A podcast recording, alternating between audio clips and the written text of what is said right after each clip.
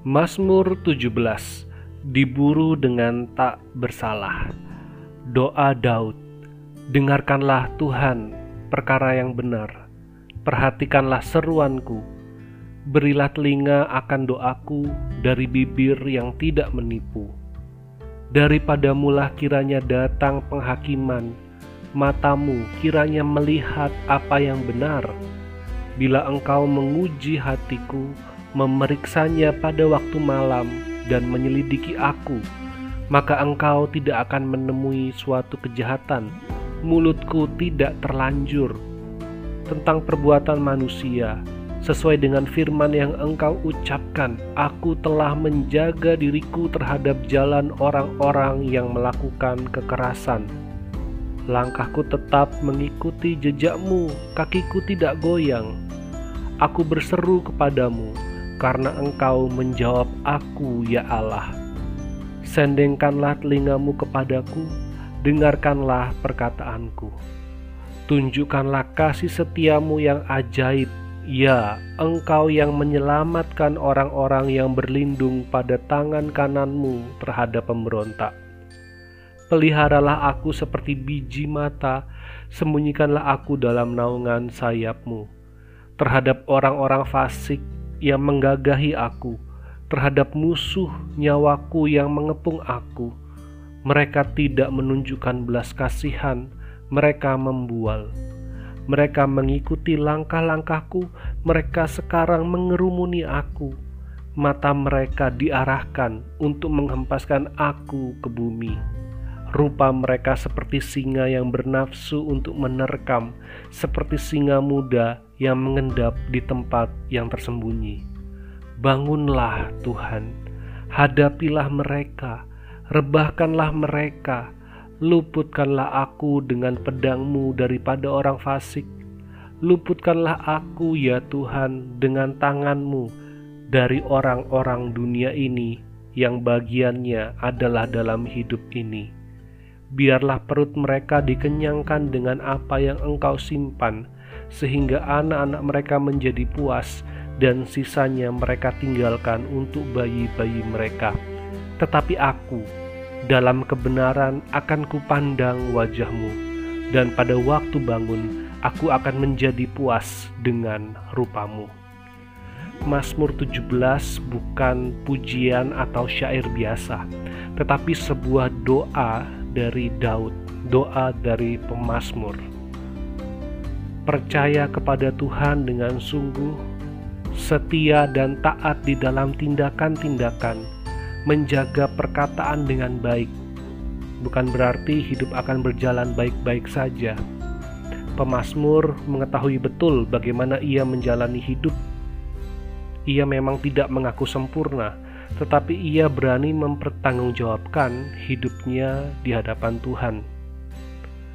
Bahwa apa yang ia alami sebenarnya tidak sesuai dengan apa yang ia jalani, bahwa ia mengalami ketidakadilan di dalam dunia ini. Walaupun demikian, pemazmur tetap mengalami pergumulan yang berat.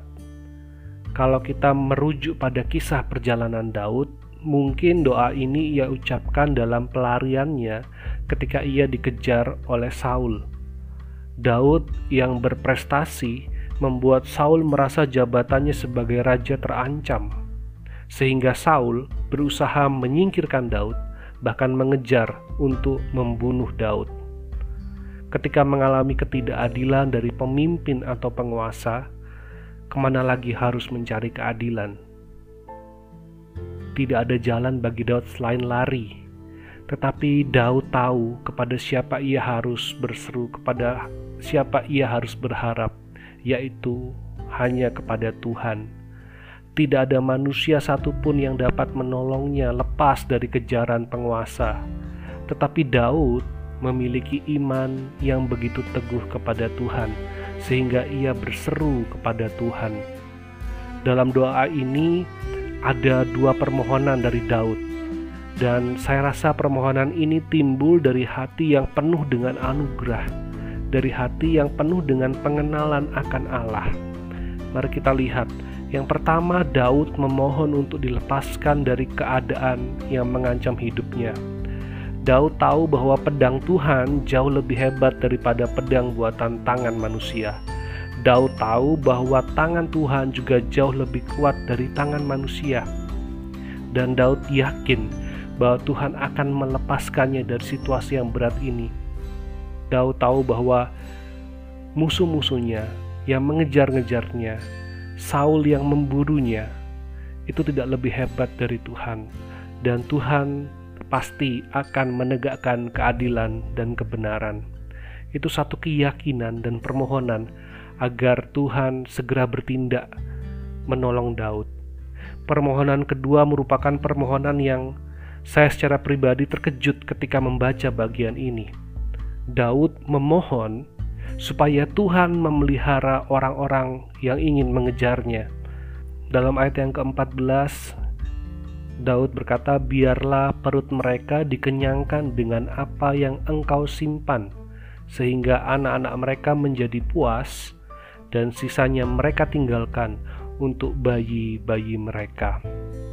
Daud memohon supaya Tuhan memelihara orang-orang yang ingin mengejarnya, supaya anak-anak mereka dikenyangkan dengan berkat Tuhan, supaya mereka puas dan dapat meninggalkan sesuatu bagi bayi-bayi mereka.